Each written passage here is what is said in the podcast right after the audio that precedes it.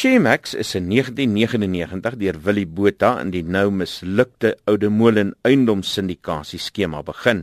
In die daaropvolgende 10 jaar het hulle eiendomme verkoop teen 'n voortdurende stygende waarde.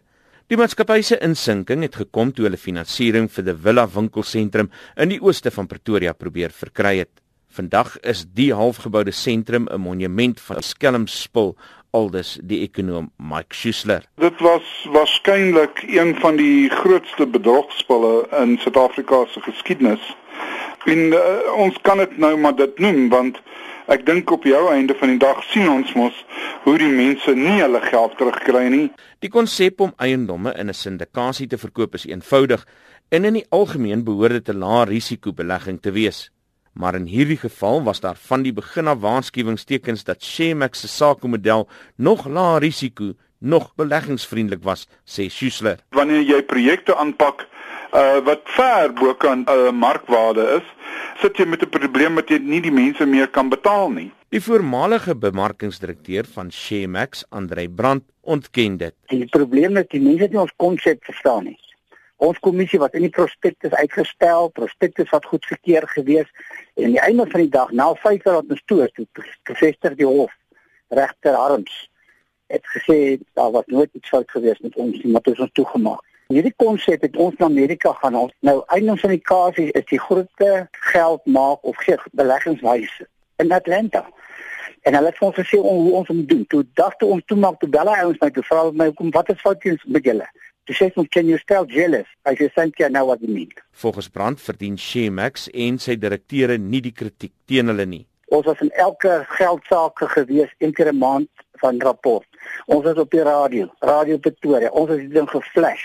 En dit is die fout wat ons gemaak het. Want lyk my jy moet dit ding nie flash jy moet maar jou ding doen onder die tafel deur saggies dat niemand daarvan weet nie. En uh die beleggers gelukkig. O, dat tot die dag toe ons kyk, het ons nie een belegger 1 sent geskuld nie.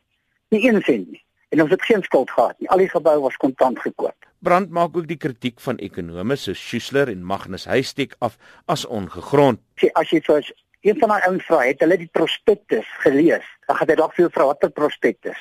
En as hy dit vir jou sê, dan weet jy nie koekie klou wat ons gedoen het nie. Die ekonome, as ek maar net 'n ekonom sê hy kom. Brand sê sy gewete is skoon. Shermack het nie een gebou besit in 12 jaar nie. Die geboue het behoort aan die beleggers.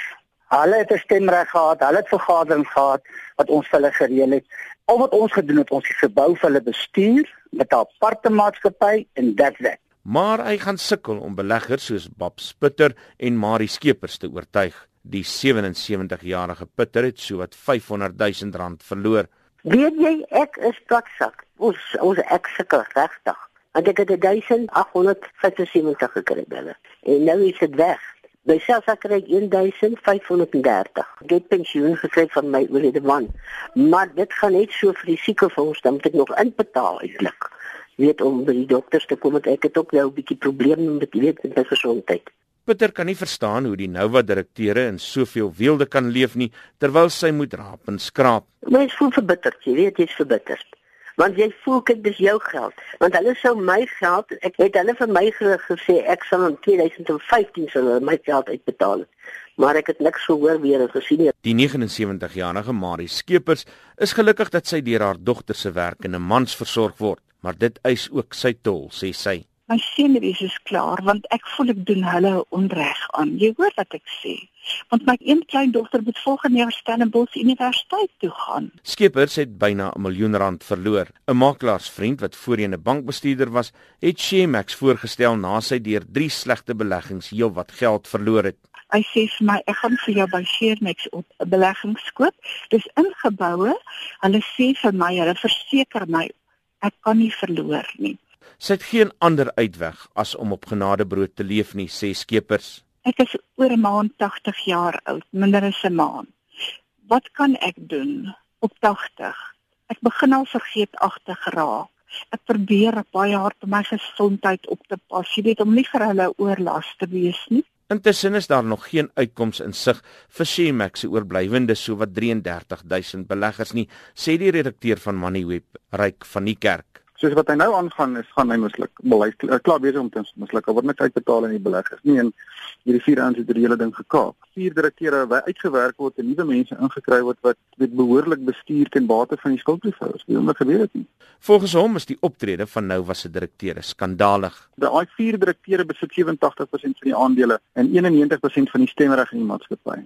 En hulle het dit gekry sonder dat hulle 'n sent betaal het. 'n Sent betaal het. En nou betaal hulle self hierdie astronomiese salarisse en daar's geen geld oor om vir die beleggers te gee nie. Dit is gek man. Selfs brand stem saam met van die kerk.